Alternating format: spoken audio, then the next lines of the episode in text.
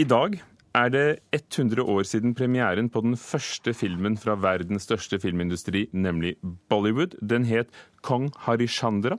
Den hadde premiere 3. mai 1913 og var selvfølgelig en stumfilm. Den ble en stor suksess, og siden den gang har Indias filmindustri gradvis vokst frem til det den er i dag. Bare i fjor laget de rundt 1500 filmer i India kjærlighet og komedie og love story og historisk og politikkfilmer. Jeg har masse filmer. Safi, opprinnelig fra Afghanistan, driver Norges største Bollywood-butikk. Butikken ligger blant frukt- og grønnsaksforretninger på Grønland i Oslo. Veggene er fylt fra gulv til tak med DVD-er og CD-er. Og i motsetning til mange andre videobutikker i dag, selger Safi fortsatt mange filmer. 280 50 eller 300 DVD-er jeg selger hver dag. De fleste omslagene viser damer med langt, mørkt hår, plettfri hud og fargerike kjoler, eller barske menn med fyldig manke. Også cocktail. Den er kjærlighet. Jeg liker bare kjærlighetsfilmer. kjærlighetsfilmer? ja.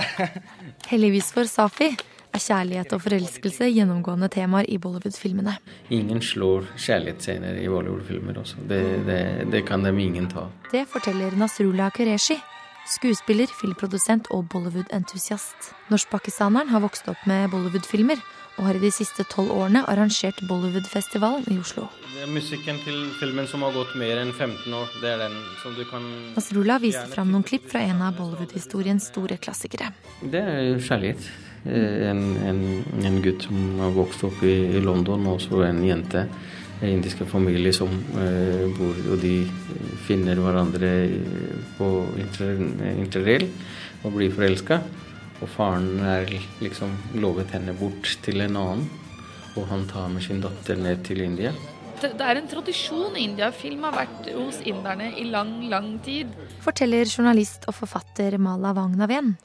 Så, så, det å se filmer det er en veldig naturlig del av hverdagen. Når man diskuterer filmer I India er det veldig vanlig å sammenligne. Hadde f.eks. Min, eh, mine kusiner møtt deg, så hadde de innen ti eh, sekunder sammenlignet deg med en indisk skuespiller. Du ligner veldig på henne. Det er et sånn vanlig kompliment, veldig veldig vanlig kompliment å gi. da. Er, Foreldrene er indiske, og hjemme i barndomshjemmet på Stovner gikk det mye i actionfylte Bollywood-filmer spekket med dans og sang. Det viktigste var på en måte the song and dance-aspektet. da. Kan du prøve å forklare hvor big business det egentlig er? Og det er, en, det er, en, det er der industriaspektet kommer inn. Da. Det er så mye penger i dette. Det er jo derfor mafiaen også hadde ganske store interesser i den industrien. I mange år slet Bollywood med at mafiaen skulle kontrollere industrien. Så lenge mafiaen kontrollerte det, så kontrollerte de alt fra valg av skuespillere til manus og plott. Og, altså hvordan tingene skulle se ut på skjermen.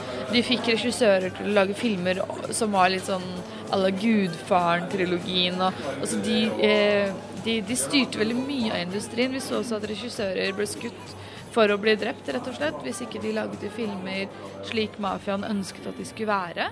Og når det gjelder form. Produsentene i Bollywood har tradisjonelt gått etter det brede publikum og forsøkt å nå både fattig og rik. Men med en stadig mer utdannet og variert befolkning har nye sjangre vokst fram. Og dermed ser du også at manusene begynner å bli smartere, eh, mer relevante, mer samfunnsnyttige temaer.